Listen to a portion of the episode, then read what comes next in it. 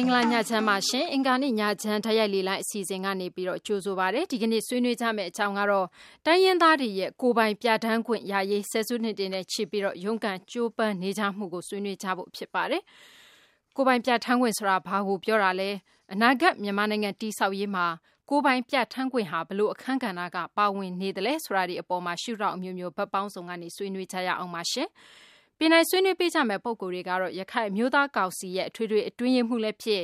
UNFC ညီညွတ်သော တိုင်းရင်းသားလူမျိုးများ ဖက်ဒရယ်ကောင်စီရဲ့ တွဲဖက်အတွင်းရေးမှူးအဖြစ်လည်း တာဝန်ယူထားတဲ့ ဦးထွန်းစောကို ဖိတ်ကြားထားပါတယ်။နောက် ကျမတို့ရဲ့ သတင်းစာဆရာ ဦးစီသူအောင်မြင့်ကိုလည်း ဖိတ်ထားပါတယ်။စာနဲ့တဆင်ရော လူကိုယ်တိုင်ရော ပါဝင်ဆွေးနွေးကြမယ့် ကျမတို့ သောရရှင်တွေတချို့လည်းဒီလေလိုင်းပေါ်မှာ ရောက်ရှိနေပါပြီ။ပထမဆုံးတော့ ဆရာဦးထွန်းစောစပြီးတော့ဆွေးနွေးပေးပါရှင်ဒီတိုင်းရင်းသားတွေ လိုလားတဲ့ ကိုပိုင်ပြထန်းခွင့်ဆိုတာ ဘာလဲဘာလဲဆိုတာကိုအရင်ဆုံးရှင်းပြပေးပါဆရာဦးထွန်းစောဟုတ်ကဲ့ကိုပိုင်ပြတ်ထန်းခွင့်ဆိုတာကျွန်တော်တို့တနည်းအားဖြင့်မိမိကံကြမ္မာကိုမိမိဖန်တီးဆုံးဖြတ်ပိုင်ခွင့်လို့လည်းတနည်းအားဖြင့်ခေါ်ကြပါတယ်ဆိုတော့ဒီကိုပိုင်ပြတ်ထန်းခွင့်ကတော့ကျွန်တော်တို့ Federal ရဲ့အနှစ်သာရအထက်ကအချက်တစ်ချက်ဖြစ်ပါတယ်အဲကျွန်တော်တို့တိုင်းရင်းသားလက်နက်ကိုင်တော်လှန်ရေးဖွဲ့စည်းများဘက်ကဘုံရက်တည်ခြင်းမူဝါဒသဘောထားမှာရှိတာတခုကတော့ ဒီမိုကရေစီရဲ့မျိုးသားတန်းတူရေးနဲ့ကိုယ်ပိုင်ပြဋ္ဌာန်းခွင့်တို့အပြည့်အဝရှိတဲ့စစ်မှန်တဲ့ဖရယ်ပြည်တော်စုတည်ဆောက်ရေးဆိုတဲ့အချက်ကဒါကျွန်တော်တို့တိုင်းသားအလုံးရဲ့ပုံမူဝါဒလို့ပြောလို့ရပါတယ်။အဲ့ဒီမှာဖက်ဒရယ်ရဲ့အခြေခံအောက်မှာရှိတဲ့နှစ်သာရသုံးခုပေါ့လေနော်။ဒီမိုကရေစီရဲ့မျိုးသားတန်းတူရေးနဲ့ကိုယ်ပိုင်ပြဋ္ဌာန်းခွင့်ဆိုတဲ့အဲမှာကိုယ်ပိုင်ပြဋ္ဌာန်းခွင့်ကပါနေပါတယ်။ကိုယ်ပိုင်ပြဋ္ဌာန်းခွင့်ကတနည်းအားဖြင့်ပြန်ကြည့်ရင်ကျွန်တော်တို့ဥပဒေကြောင်းအရအစည်းနှောင်အားရှိတဲ့နောက်ကျွန်တော်တို့ ဥပဒေစကားလုံးလို့လည်းပြောလို့ရပါတယ်အဲ့ဒါကဘာဆင်းသက်လာမလဲဆိုလို့ရှိရင်အဲကျွန်တော်တို့ဥပဒေရေးရမှာဆိုလို့ရှိရင်တိုင်းပြည်ရဲ့တိဆောက်ပုံနဲ့အဓိကတိုင်းရိုက်သက်ဆိုင်ပါမယ်အဲဒီမှာတိုင်းပြည်ရဲ့တိဆောက်ပုံမှာအဓိကကျတဲ့မန်နိုင်ကြီး၃ရက်ပေါ့ဥပဒေပြုရေးတရားစီရင်ရေးအုပ်ချုပ်ရေးဒီမန်နိုင်ကြီး၃ရက်စလုံးကကျွန်တော်တို့ခွေးဝေပြီးတော့စနစ်တကျသုံးစွဲမှုအပေါ်မှာအမှုတည်ပါတယ်ကိုပိုင်ပြတ်တန်းခွင့်ဆိုတာဘယ်လောက်ရှိလဲမရှိလဲဆိုတာတိုင်းတာတာကအဲ့ဒီမန်နိုင်၃ရက်နဲ့အဓိက တိုက်တာတယ်လို့ကျွန်တော်တို့နားလည်လို့ရပါတယ်ဆိုတော့အခုကျွန်တော်တို့တိုင်းပြည်မှာဒီကိုပိုင်ပြတ်ထုံးကဘလောက်ရေးပါလဲဆိုရင်ဒီတိုင်းပြည်ဖြစ်တည်လာမှုကတော့ကျွန်တော်တို့မတူညီတဲ့တိုင်းရင်းသားလူမျိုးပေါင်းစုံနဲ့ကျွန်တော်တို့စုဖွဲ့ထားတာဖြစ်ပါတယ်ဒီတိုင်းပြည်ကိုကျွန်တော်တို့တိဆောက်တဲ့အခါမှာပုံစံ2မျိုးနဲ့ပေါ့နော်ကျွန်တော်တို့ commit together လို့ခေါ်တဲ့လွတ်လပ်စွာနဲ့မိမိဆန္ဒလျောက်လာရောက်ပူးပေါင်းဖွဲ့စည်းခြင်းပေါ့နော်နောက်တစ်ခုကကျွန်တော်တို့ holding together လို့ခေါ်တဲ့အတူတကွပေါင်းစည်းနေထိုင်ခြင်းပေါ့ ဆိုဒီနှမျိုးစလုံးကကျွန်တော်တို့တိုင်းပြည်မှာရှိနေပါတယ်ဆိုကြဆိုတဲ့အခါကျတော့ဒီအခြေခံအကြောင်းတရားပေါ်မှာဒီနေ့တိုင်းပြည်စုဖွဲ့မှုကမိမိစံတာလျောက်လာရောက်ပူးပေါင်းတာနဲ့အတူတူကနေထိုင်တဲ့အနေထားအောက်မှာတိုင်းရင်းသားလူမျိုးပေါင်းစုံဟာကိုယ်ပိုင်ပြဋ္ဌာန်းခွင့်တွေဆုံးရှုံးနေရတယ်ပျောက်ဆုံးနေရတယ်အဲဒါကြောင့်အဲ့ဒီရဲ့မူလဘူတာဖြစ်တဲ့နော်ကျွန်တော်တို့ commit together holding together စီကိုပြန်သွားဖို့အတွက်အရေးကြီးတဲ့အချက်တစ်ချက်အနေနဲ့ရှိနေတဲ့အနေအထားမှာရှိနေပါတယ်နောက်နောက်ဆုံးခြေနေပေါ့နော် ဟုတ်ကဲ့ပါရှင်ဆရာဦးထွန်းစောကျေးဇူးပါအဲ့တော့ဒီကိုပိုင်တိုင်းရင်းသားတွေရဲ့ကိုပိုင်ပြထန်းခွင့်ဆိုတာနဲ့ပတ်သက်ပြီးတော့ဒီဗမာဟိုလူများစုဗမာတွေအပအဝင်တိုင်းရင်းသားတွေကြားမှာရောအပြည့်အဝနားလည်ထားပါသလားနောက်တစ်ခါဒီကိုပိုင်ပြထန်းခွင့်နဲ့ပတ်သက်ပြီးတော့ခါတော့အစိုးရဆက်ဆက်စိုးရင်ချက်ပေါ့လေအဲ့ဒါနဲ့ပတ်သက်ပြီးတော့ဆရာဦးစီသူအောင်မြင်ဆွေးနွေးပေးပါရှင်အဓိကကတော့ဟိုကျွန်တော်တို့ဒီမှာကဖြစ်စဉ်တွေကအခုဆိုရင်1948လွတ်လပ်ရေးရကြတဲ့ကဆိုရင် နည်းနည်းတော့ရှည်လျားလာတယ်ရှည်လျားလာတဲ့ခါကျတော့ဟိုပင်လုံစာချုပ်တွေချုပ်ဆိုခဲ့စဉ်တုန်းကတော့ဒီဗမာတွေနဲ့အဲတောင်တန်းတွေတိုင်းသားတွေနဲ့ချုပ်ဆိုခဲ့တုန်းကတော့ဒါပင်လုံစာချုပ်မှာရေးထားတယ်အဲ့ဒီအဲ့ဒီတော့ကတော့အဆင့်တန်းတစ်မျိုးပေါ့နော်အပြီးတော့မှနောက်ပိုင်းဒါမပြေမလဲဖြစ်ကြတဲ့ခါကျတော့ဟိုလက်နက်ကင်တိုက်ပွဲဝင်ကြတာတွေတော်လိုင်းဆင်နွှဲကြတာတွေရှိခဲ့တယ်အဲ့တော့တော်လိုင်းဆင်နွှဲခဲ့တဲ့အချိန်တုန်းကလည်းအဲဆက်စချင်းမှာတော့ဘယ်လိုနည်းနဲ့စကြလဲဆိုရင်ဥပမာကရင်တိုင်းသားတွေဆိုရင်လည်း ဒါသီးသန့်ဒါကရင်တိုင်းပြည်တပြည်ပေါ့နော်ဒါဒါလွတ်လပ်တဲ့တိုင်းပြည်တပြည်ပေါ်ပေါက်ဖို့ဆိုပြီးတော့မှစပြီးတော့ဟိုတိုက်ခိုက်ခဲ့ကြတာပဲအပြီးတော့မှနောက်ကချင်တွေလက်နဲ့ဆွဲကင်တိုက်ခိုက်တော့လေဒီတိုင်းပဲဒါဒါကချင်သမ္မတနိုင်ငံပေါ်ပေါက်ဖို့ပါညာဒီလိုနည်းနဲ့ဒါစခဲ့ကြတယ်ဒီဘက်ကကြတော့လေဒါပြည်တော်စုကြီးကိုဒါကာကွယ်ဖို့ဆိုပြီးတော့မှတခါပြန်ပြီးတော့ဟိုတိုက်ခိုက်တာတွေရှိခဲ့တယ်ပြောမယ်ဆိုရင်ကျွန်တော်တို့ဒီမှာ Federal ဆိုတဲ့စကားလုံးပေါ်အတိတ်ပဲဖွင့်ဆိုချက်တွေအခုနကတော့ကိုယ်ပိုင်ပြဋ္ဌာန်းခွင့်နဲ့ပတ်သက်ပြီးတော့မှ လိုလားချက်တွေကအဲကာလတစ်ခုနဲ့တစ်ခုနဲ့ကျွန်တော်အမြင်မှာတော့မတူတော့ဘူးလို့ထင်တယ်မတူတော့တဖြည်းဖြည်းရွေ့ရှားလာတယ်ရွေ့ရှားလာတဲ့ခါကျတော့အခုနောက်ဆုံးအခြေအနေကတော့ဘလို့ဖြစ်ဖြစ်ပြောတာကတော့ဟိုတူတာတွေတော့တော်တော်တူလာပြီဖက်ဒရယ်ဆိုတဲ့ကိစ္စကိုအရင်တော့ဆိုရင်ဒါစစ်အာဏာရှင်တွေအဆက်ဆက်ကဘယ်တော့မှအဆန်တော်သူမကြားကျင်ခဲ့ဘူးဒါပေမဲ့ပြီးခဲ့တဲ့ဒီသမရဦးသိန်းစင်အစိုးရလက်ထက်ကစပြီးတော့ဟိုဖက်ဒရယ်ကိုလက်ခံပါတယ်ဆိုပြီးတော့မှသူတို့ပြောလာကြပြီနောက်တစ်ဖက်ကတိုင်းသားတွေတောင်းဆိုတာကလည်းဖက်ဒရယ်ပြည်တော်စုပဲ ဆိုတော့ဒီမှာဟိုပုံစံအဖြစ်နာမည်အဖြစ်ကတော့တူနေပြီဒါပေမဲ့ဒီဖက်ဒရယ်ရဲ့အဆင့်တန်းကိုယ်ပိုင်ပြဋ္ဌာန်းခွင့်ဆိုရင်လည်းဘလောက်အတိုင်းအတာအထိရှိတဲ့ကိုယ်ပိုင်ပြဋ္ဌာန်းခွင့်လဲဆိုတဲ့ဥစ္စာတွေကတော့ဟိုညှိနှိုင်းကြမှာပေါ့နော်အဲ့ဒီညှိနှိုင်းဖို့လည်းအခုလုံနေကြိုင်နေပြီဆိုတဲ့ခါကျတော့အဲ့ဒီညှိနှိုင်းမှုရလအပေါ်မှာပဲမူတည်ပြီးတော့မှဒီနေ့ကျွန်တော်တို့တိုင်းပြည်ဘယ်လိုသွားသင့်လဲဆိုတဲ့အဖြေပေါ်မယ်နဲ့ကျွန်တော်ထင်ပါတယ်တစ်ဖက်ကစိုးရင်စိတ်ကခုနကတော့မိကုန်းကိုဖြေရရင်တော့ဒီဗမာတွေကတော့ ဒီလက်ရှိပေါ့နော်ဟိုတမတော်ကိုလည်းဒါအများစုဒါသူလွှမ်းမိုးထားတယ်ဟိုတိုင်းပြည်ကိုလည်းဟိုစီမံအုပ်ချုပ်တဲ့စီမံအဓိကနေရာတွေယူထားတယ်အဲသူတို့တွေကတော့အဓိကကတော့သူတို့စိုးရင်ဆုံးကတော့ခွဲထွက်သွားမှာဘူးပဲအဲ့တော့အခုဆိုရင်ဆွေးနွေးပွဲတွေပါနဲ့ပတ်သက်လို့ဦးသိန်းစိန်လက်ထက်တော့ပြောတာတခုတည်းပဲခွဲထွက်တဲ့ကိစ္စသာမပါဘူးဆိုရင်ဘာမဆိုဆွေးနွေးရတယ်ဆိုတဲ့သဘောမျိုးပဲဆိုတော့အခုဆိုရင်တော့ခွဲထွက်တယ်ဆိုတဲ့ကိစ္စကိုတိုင်းသားတွေလည်းကျွန်တော်နားလည်တော့မပြောကြတော့ဘူးဆိုတော့ဒီဗမာတွေဘက်ကလည်း ဟိုစိတ်ပူစရာမရှိတော့ဘူးလို့ထင်ပါတယ်အဲ့ဒီလိုမျိုးပေါင်းစည်းမဲ့ပြည်တော်စုဆိုတဲ့ပုံစံနဲ့ပတ်သက်ပြီးတော့ပဲဘလောက်တိုင်းတာထိဟိုခွဲဝေပြီးတော့မှဟိုကျင့်သုံးကြမလဲခုနကပြောတဲ့မန္တန်ကြီးသုံးခုကိုဘယ်လိုခွဲဝေကြမလဲဆိုတာကတော့ဟိုဆွေးနွေးညှိနှိုင်းကြရမှာပေါ့နော်အဲ့ဒီအတွက်ပဲ21ပင်လုံးရပင်လုံးညီလာခံတို့ဘာလို့ဆိုတဲ့ဥစ္စာကိုပြန်ပြီးတော့လုပ်ဖို့ကြိုးစားနေကြတယ်လို့ပဲနားလည်ပါတယ် ဟုတ်ကဲ့ပါရှင်ဆရာကျေးဇူးပါအခုကျမတို့သောရရှင်တွေကိုကျမအလှည့်ပေးပါမယ်သောရရှင်တွေဆွေးနွေးကြမယ်သောရရှင်တွေတော်တော်များပါတယ်ရှင်ပထမဆုံးတော့ကိုစလိုင်းပွေကုံကျမဝင်ရောက်ဆွေးနွေးပါရှင်ဟုတ်ကဲ့မရဲ့ဟိုအခု21လို့ခေါ်တဲ့ပြင်လုံးငင်လာခါမှာတို့ဆွေးနွေးတဲ့ခါကျရင်ကိုကိုပိုင်ပြထခွင့်ဆိုတဲ့ဥစ္စာကတော့ကိုယ်အမှန်နိုင်ရေးသုံးချက်ပုံမှန်မူတည်ပြီးတော့မှကျွန်တော်တို့ကျွန်တော်ချင်းနိုင်ငံရေးသမားတယောက်အနေနဲ့ကျွန်တော်ဆွေးနွေးရှင်တဲ့ဥစ္စာကတော့ အခုချိန်မှာပထမချက်လှမ်းအနေနဲ့ကျွန်တော်တို့အဆင့်အတန်းကိုဘယ်လောက်ထိမျှော်မှန်းမလဲဆိုရင်ကျွန်တော်တို့ဟိုတိုင်းရင်းသားဖက်ကတကယ်လို့ချင်တဲ့ဥစ္စာကြီးကနည်းနည်းဟိုဟာကြီးကြီးလုံးမဲ့ဆိုရင်တမတော်ကနားမလီသေးပဲနဲ့မလက်ခံသေးပဲနဲ့ဖြစ်နေဆိုရင်ကျွန်တော်တို့ရှစ်အနာကမှာတကယ်ခိုင်မာတဲ့အနှစ်သာရပုံမူပြီးွားတဲ့ဖေဒရယ်ကိုမရောက်ခင်မှာအဲတမတော်ကတခုခု လှုပ်တော့ရင်ကျွန်တော်တို့ပြည်လုံးကျေတို့တော့ညီလာခံကဟောကျိုးမရှိဘဲနဲ့ဖြစ်မှာကိုလည်းအင်တာမဆိုရင်လေဒါကြောင့်မနိုင်ကြီးတုံးချက်မှာကျွန်တော်တို့အနှစ်သာရပိုင်းနဲ့နစစ်တန်းပိုင်းကိုအများကြီးမတွားဘဲနဲ့ဟောအနေတော်ယုံလောက်နဲ့အခုလုံးလုံးဆရာတော့ကျွန်တော်တို့တွားပြီးမှနောက်ကျွန်တော်တို့ဒီမိုကရေစီရင့်ကျက်လာတဲ့ချိန်မှာပြည်သူလူထုကလည်းအသိဉာဏ်တိုးလာတဲ့ချိန်တက်မတော်ကလည်းတော် နိုင်ငံကြီးကိုသူတို့နားလေလာတဲ့ချိန်မှာတဖီးဖီးနဲ့အဆင့်ကိုတိုးမြှင့်ပြီးတော့မှကျွန်တော်တို့အာတိုင်းရင်းသားတွေတိတက်အခြေခံဥပဒေတွေကျွန်တော်တို့ရေးဆွေးတဲ့နေရာမှာပိုပြီးတော့အဆင့်တောက်ကိုပိုပြီးတော့ပြီးတော့မှတဖီးဖီးမြင့်လာရင်တော့ပိုကောင်းမယ်အခုကတည်းကနဲ့အာဒီလောက်အကြီးကြီးမှကြီးကျွန်တော်စစ်မင်းကိုတွားမယ်ဆိုရင်တော့နည်းနည်းအခက်အခဲရှိမလို့ထင်တော့အဲ့ဒါလေးကိုနည်းနည်းဆွေးနွေးရှင်ပါတယ်ဆက်ပါဟုတ်ကဲ့ပါရှင်ကျေးဇူးပါအဲ့တော့တဖန်းဆောင်ရှိပါတယ်ရှင်ဝင်ရောက်ဆွေးနွေးပါရှင်ဟုတ်ကဲ့ပါမ ကျွန်တော်ကဒီကိုမန်ပြတာခွင့်ဆိုတာလူမျိုးတစ်မျိုးရဲ့ရပ်ပိုင်ခွင့်အခြေခံအခွင့်အရေးအတွက်ပေါ့နော်တော့ကျွန်တော်တို့တိုင်းသားတွေကလက်နဲ့ဆွဲကန်ဒေါ်လာပြီးတော့နော်ဖေဗရမူကိုတောင်းဆိုခဲ့တာဖြစ်တယ်ပေါ့နော်ဒါဘူကျုံအစမ်းနဲ့တိုင်းသားခေါင်းဆောင်တွေချုပ်ဆိုခဲ့တာပြင်လို့စာချုပ်ပေါ့နော်ဒါအလုံးကြီးတဲ့ဘူကျုံအစမ်းတာလက်နဲ့ရေးခဲ့တဲ့ဟိုပြင်လို့စာချုပ်လည်းဆီအနာရှင်တွေကဟိုရှင်းနေဖြစ်ခဲ့တယ်ပေါ့နော်အဲ့လိုပြောအောင်ပေါ့ကျွန်တော်တို့တိုင်းသားတွေတောင်းဆိုတဲ့ဖေဗရမူဆိုတာတိုင်းသားအလုံးအတွက်တိုင်းသားအလုံးလို့ပြောတဲ့တဲမှာနော် အားလုံးပေါ့နော်ကချင်ရကင်းရှင်းမှုပေါ်မှာရခိုင်ရှမ်းပေါ့နော်ပမာအပါဝင်ဖြစ်တယ်ပေါ့နော်ပြီးမတယ်မနေတယ်ပမာတွေအကုန်လုံးလည်းကျွန်တော်တို့နဲ့ဘဝတူတိုင်းသားတွေပါပဲဟိုဘယ်လိုကောမလဲအာနာရှင်ဆက်ဆက်နောက်ဒနာအပါစီအာနာရှင်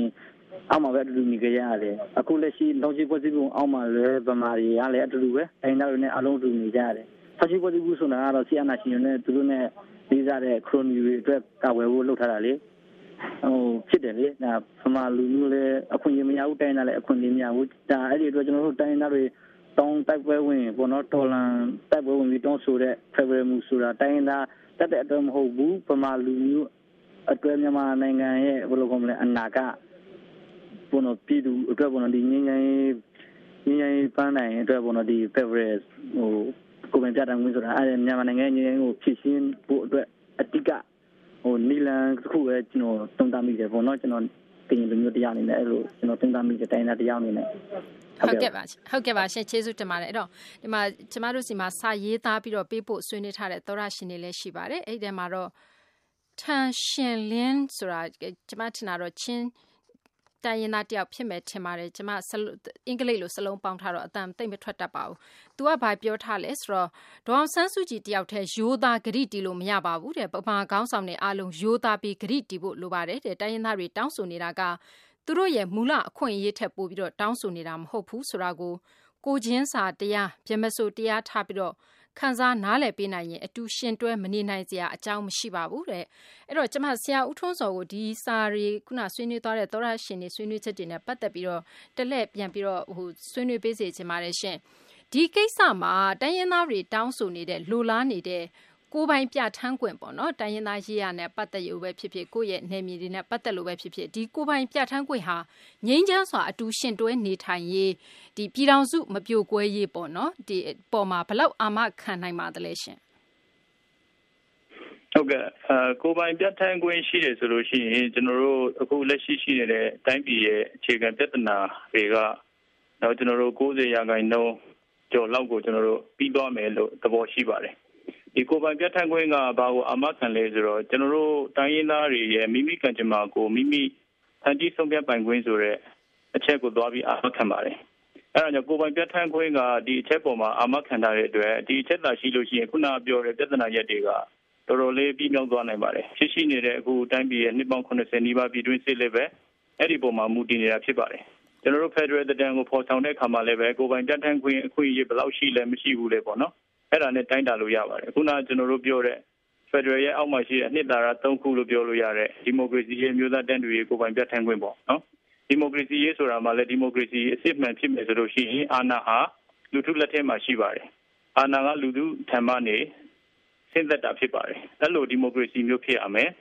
အဲ့ဒီအခြေခံအောက်မှာမှကျွန်တော်တို့မျိုးသားတန်းတူရေးတို့ကိုပိုင်ပြဋ္ဌာန်းခွင့်တို့ဖော်ဆောင်လို့ရပါမယ် ဒီချက်တွေကတစ်ခုနဲ့တစ်ခုချိတ်ဆက်နေတယ်ပေါ့နော်အဲ့ဒါကြောင့်ကိုပိုင်ပြဋ္ဌာန်းခွင့်တစ်ခုတည်းကိုတီးသန့်ပြောလို့မရဘဲနဲ့ကျွန်တော်ဒီသုံးခုစလုံးကိုတွဲလုံးကိုပြောရမှာဖြစ်ပါတယ်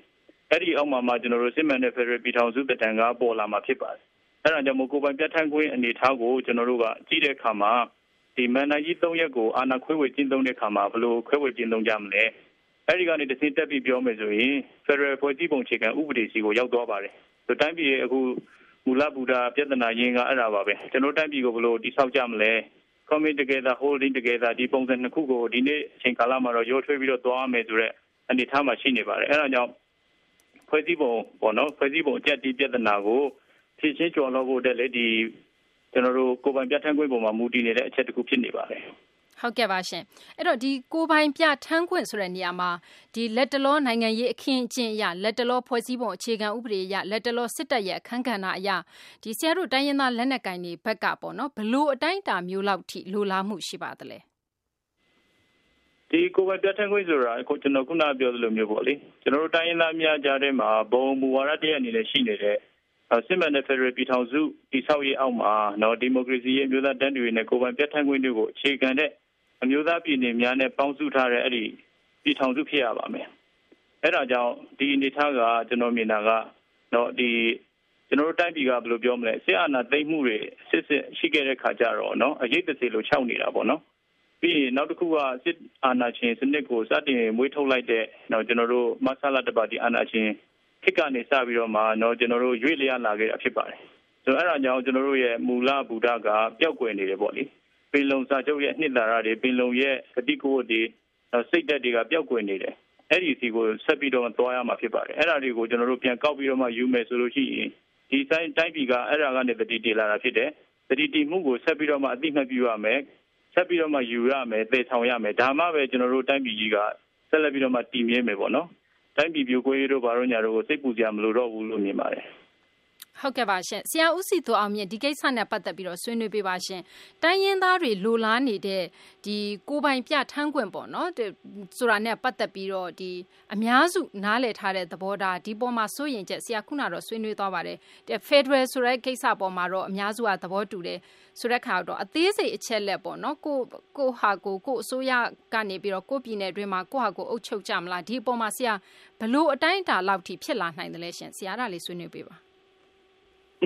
အဲ့ဒါနဲ့ပတ်သက်လို့အခုလောလောဆယ်ဟိုလူဒုကြားထဲမှာရောတိုင်းသားတွေကြားထဲမှာပါတချို့သောဟိုလက်နက်ကင်အဖွဲ့အစည်းတွေနဲ့ပတ်သက်ပြီးတော့မှ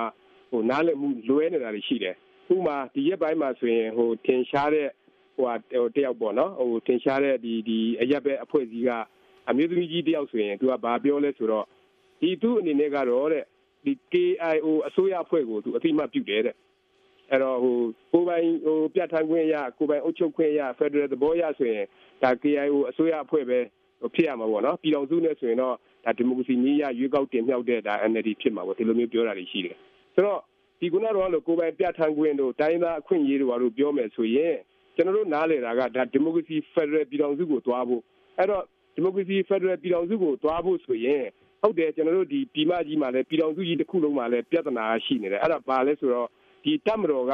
ဒီဖွဲ့စည်းပုံနဲ့ဒီခုနကတော့လို့ပြည်သူလူထုရွေးကောက်ခံလိုက်တဲ့အစိုးရနဲ့ကင်းလို့ပြီးတော့မှသူ့ဘာသာသူပြီးကြတည်ရှိနေတယ်ဆိုတဲ့ပြဿနာကြီးဒါလည်းပြဿနာအကြီးကြီးပဲအဲ့ဒီဥစ္စာကိုလည်းဒါဖြေရှင်းရမယ်ဒါအဲ့ဒါမရှိသေးသေးရတော့ဒါဒီမိုကရေစီနိုင်ငံလို့လည်းခေါ်လို့မရဘူးဒီတိုင်းပြည်မှာအဲ့ဒါရှိနေသလိုမျိုးတစ်ဖက်ကတိုင်းသားတွေနဲ့ပတ်သက်တဲ့နားလည်မှုမှာလည်းအာတဲ့ဟိုဒါတကယ်လို့ဒါဒါကိုယ်ပိုင်ပြဋ္ဌာန်းခွင့်တွေရှိလာရင်ပြည်နယ်တွေလွတ်လွတ်လပ်လပ်ဖက်ဒရယ်ပြည်ထောင်စုပုံစံဖြစ်လာရင်ကချင်ပြည်နယ်ကို ဟို KIO ကပဲအုပ်ချုပ်ရမလို့လို့ကရင်ပြည်နယ်ကို KNU ကပဲအုပ်ချုပ်ရမလို့လို့ဆိုတဲ့ပုံစံမျိုးကမှားနေတယ်တကယ်တကယ်ကြတော့တကယ်တော့ဒီဥစ္စာတွေကလက်နက်ကင်တပ်ဖွဲ့တွေပဲအဲ့တော့ဒီအဖွဲ့အစည်းတွေကတကယ်ဖက်ဒရယ်ပြည်ထောင်စုဖြစ်လာပြီဆိုရင်ဒီမိုကရေစီကိုလေးစားလိုက်နာပြီးတော့မှကချင်ပြည်နယ်မှာဘယ်သူအုပ်ချုပ်မလဲဆိုရင်ဒီလူလူရွေးကောက်တင်မြှောက်လိုက်တဲ့ဒါပါတီတာဝန်ရှိတဲ့လူတွေအဲ့ဒီဒီလူရွေးကောက်လိုက်တဲ့လူတွေကဒါပဲအုပ်ချုပ်ရမှာပဲဆိုတော့အဲ့ဒီဥစ္စာမျိုးတွေနားလည်မှုတွေကလွဲနေတယ်ဆိုတော့ကျွန်တော်တို့ကနှစ်ဖက်စလုံးမှာပြဿနာရှိတယ်ပြည်တော်စုတစ်ခုလုံးမှာဆိုရင်ဒီတမတော်ရဲ့ ပြီးသက်တည်ရှိနေမှုကလည်းဒါဒီမိုကရေစီရေးအတွက်ကိုဒါအခက်အခဲတွေရှိနေတယ်အဲအလားတူပဲတော်ရင်လက်နက်ကင်ဟိုအဖွဲ့အစည်းတွေကလည်းဟိုပြောမယ်ဆိုရင်ဒါဥမာမြောက်ပိုင်းကဒီ KIO နဲ့တောင်ပိုင်းက KNU နဲ့တော့မတူဘူး KNU ဆိုရင်ဒါသူကဒီမိုကရေစီကိုလေးစားလိုက်နာပြီးတော့မှဒါအားလုံးရွေးချယ်မှုတွေနဲ့ conference တွေပိုင်းနဲ့ congress တွေနဲ့သူကဒါဟိုခေါင်းဆောင်တွေရွေးကောက်တင်မြှောက်တာတွေလုပ်တယ် KIO ဘက်မှာဆိုရင်ဘာမှမရှိဘူးဆိုတော့ဒီလိုအနေထားမျိုးတွေကိုနားလည်မှ ကျွန်တော်တို့အဲ့ဒီ Federal ဆိုတာတိုင်းသားတွေကိုယ်ပိုင်အုပ်ချုပ်ခွင့်ဆိုတာတိုင်းသားအဲ့ဒီပြည်နယ်မှာနေထိုင်တဲ့လူတွေရဲ့မဲပေးရွေးချယ်လိုက်တဲ့အဲဥစ္စာကသာအဖွဲ့အစည်းကသာပါတီကသာအစိုးရဖွဲ့ပြီးအုပ်ချုပ်ရမှာဆိုတဲ့သဘောမျိုးကိုကျွန်တော်တို့နားလည်မှသာတစ်ဖက်အပြန်အလှန်ညှိနှိုင်းလို့ရမယ်သဘောလို့ကျွန်တော်နားလည်ပါတယ်ဟုတ်ကဲ့ပါရှင်ဆရာကျေးဇူးပါနောက်ပိုင်းမှာဒီကိစ္စနဲ့ပတ်သက်ပြီးတော့ဆက်ပြီးဆွေးနွေးကြရအောင်ပါအခုတော့ကျမတို့သောရရှင်တူဖြစ်တဲ့ကိုနေဦးလင်းကိုကျွန်မဖိတ်ချင်ပါတယ်ရှင်ကိုနေဦးလင်းဝေရောက်ဆွေးနွေးပေးပါရှင် ဟုတ်ကဲ့ဗျာကျေးဇူးတင်ပါတယ်ကျွန်တော်ကတော့တိတ်ထွေထူးထူးရောရမလို့ပါဘူးဗျာဆယ်ဆယ်မူကြောင်းကျွန်တော်တို့ကလည်းနောက်ပိုင်းမှသိလာရတာပေါ့နော်ဟိုတုန်းကတော့1980ခုနှစ်လောက်ကဒီရခိုင်ဒေသဆိုတာမရှိသေးဘူးဗျာနော်ကျွန်တော်တို့က84ခုဖွဲ့စည်းပုံကြောင်းဒီကျွန်တော်တို့လူငယ်ဘဝမှာလှုပ်ရှားလာခဲ့တာဆိုလိုတဲ့အခါကျတော့ဟိုဘက်ပိုင်းကတော့ဖက်ဒရယ်ဆိုတာတိတ်ခင်မစားဘူးပေါ့ဗျာအဓိကအဲ့တုန်းကဥကြုံရင်ပြောခဲ့တဲ့စကားအရာဆိုလို့ရှိရင် ဒါဖက်ဒရယ်ဆိုတာဗရေဒရစ်တွေကတောင်းနေဆိုတဲ့သဘောမျိုးလောက်ထိကိုပြောခဲ့ပါတယ်ဗျာတမိုင်းမှာတေချာလဲစာဖတ်ကြည့်ကြပါဦးနော်ဟိုကိုထင်တာတွေပြောတာထားပါတော့ဗျာပြောချင်တာကတော့ဖက်ဒရယ်မူဆိုတာဒီခင်မိဖြစ်လာပြီလူမျိုးတွေကိုအစွဲပြုပြီးတော့ဒေသတွေလုံးမဲ့အစားအမေရိကန်လိုဖက်ဒရယ်လုံးမဲ့အစားအမေရိကန်နိုင်မှာတော့ဒေသကိုအစွဲပြုပြီးတော့ဟလာနော်ဖက်ဒရယ်ဆိုတာဖွဲ့စည်းတည်ထောင်တဲ့အတွက်ပြဿနာမရှိဘူးဗမာပြည်မှာတော့လူမျိုးတွေကိုအစွဲပြုပြီးတော့ဒီ ဖက်ဒရယ်ကိုတောင်းရင်ဒီလူမျိုးချင်းပဋိပက္ခကိုပိုးပေါ်စေနိုင်တယ်လို့ကျွန်တော်ကတော့ထင်တာပေါ့နော်ဟုတ်ကဲ့ပါရှင်။လည်းလက်ခံပါတယ်။အဲ့ဒီစိတ်ကလေးကိုဒါလျှော့ပြီးတော့တိုင်းပြည်ပြည်တော်စုအတွက်ကောင်းအောင်လုပ်မယ်ဆိုရင်တော့အကောင်းဆုံးဖြစ်မယ်လို့ထင်ပါတယ်ဒေါအောင်ဆန်းစုကြည်ကိုနိုင်ကလည်းဒီနေ့တော့ပညာတတိကျွယ်ကျွယ်ဝဝနဲ့လုံနေတယ်ဆိုတာတွေ့ရတဲ့ဝမ်းလဲတာပါတယ်တိုင်းပြည်အတွက်လည်းကောင်းမဲ့လက္ခဏာလိုပဲမြင်ပါတယ်ဗျဟုတ်ကဲ့ပါတချို့တွေ ဟုတ်ကဲ့ပါကိုနေဦးလင်းကျေးဇူးပါရှင်ကျမတို့တခြားသောရရှင်တွေကိုလည်းအလှည့်ပေးခြင်းပါတယ်အမေရိကန်ပြည်ထောင်စုကကိုလှမောင်စောင့်နေတာတော်တော်ကြာပါပြီကျေးဇူးတင်ပါတယ်ကိုလှမောင်ဝင်ရောက်ဆွေးနွေးပါရှင်ဟုတ်ကဲ့ကျေးဇူးတင်ပါတယ်ကိုယ်ပိုင်ပြဋ္ဌာန်းခွင့်ဆိုတာအခုတောင်ဆန်းစုကြည်နဲ့ဟိုလက်မမထိုးသေးရတဲ့တိုင်းသားခေါင်းဆောင်တွေနဲ့ဟိုဆွေးနွေးပြီးတော့ပေါ်လာတဲ့ခေါင်းစဉ်ပေါ့ဗျာဒီလိုပဲယူဆပါတယ်အဲ့တော့အခုအဲ့ဒီ AIO တို့မွန်ပြည်တို့ကအရင်က စစ်ဆိုရလက်ထက်မှာ16နှစ်လောက်ပေါ့ဗျာ20နီးပါးဟိုလက်နက်နဲ့ငင်းငယ်လဲပြီးတော့ဟိုကိုလန်းကိုရှောက်ခဲ့တဲ့အဖွဲ့အစည်းတွေပါအခုချိန်မှာမပါဝင်တဲ့အကြောင်းအရာတော့ဟိုမွန်ပြည်သစ်ပါတီကိုလက်နက်နဲ့ငင်းငယ်လဲတော့အဲ့နိုင်ပန်းတာရဲ့သူကသူ60နှစ်ခေါင်းဆောင်ကြီးကကောင်းမေးခိုင်းတယ်ကြာခေါင်းဆောင်ကျော်ကကောင်းမေးခိုင်းတော့မွန်ပြည်ကလည်းဥက္ကဋ္ဌ ကဘာပြောလဲဆိုတော့နိုင်ရွှေချင်းကဘာပြောလဲဆိုတော့ငါတို့နှစ်50လုံးတိုက်လာတာအခုဒီခွင့်လို့ကျင်လို့ကွာတယ်အခုဒီခွင့်ရတော့ငါတို့တိုက်ဆရာမလိုဘူးဆိုတော့အခုလောဆယ်မှာဒီခွင့်မရတော့ဘူးလို့ကျွန်တော်ယူဆပါတယ်အဲ့တော့ကျွန်တော်ပြောချင်တာကတော့ဒေါအောင်ဆန်းစုကြည်အခုတွေ့ဆုံဆွေးနွေးနေတဲ့တိုင်းသားကောင်းဆောင်တွေကိုကျွန်တော်ပြောချင်ပါတယ်ကျွန်တော်တို့စစ်ပေါင်းများစွာဒီဥစ္စာကျွန်တော်တို့ဟိုဆွေးနွေးမျိုးဆက်ကိုကျွန်တော်တို့ကဟိုဒီ လက်တက်ကဆိုမှကြီးဖြစ်လာတာဗျအခုကဟိုပဲအုပ်ချုပ်ဒေတာပဲဖြစ်ဖြစ်ရှားဒေတာတွေမှာပဲဖြစ်ဖြစ်တိုင်းသားတွေကကိုကိုကိုအုပ်ချုပ်ရှင်ရတယ်ကိုကကထမ်းမှုတွေလိုချင်ရတယ်ဆိုတော့ကျွန်တော်တို့မငင်းပါဘူးသို့တော်လည်းကျွန်တော်တို့ဒေါအောင်ဆန်းစုကြည်ကအခုဒီတစ်စစ်ပြီးလို့ရှိရင်သူကကာလုံဆိုတဲ့ဟလာ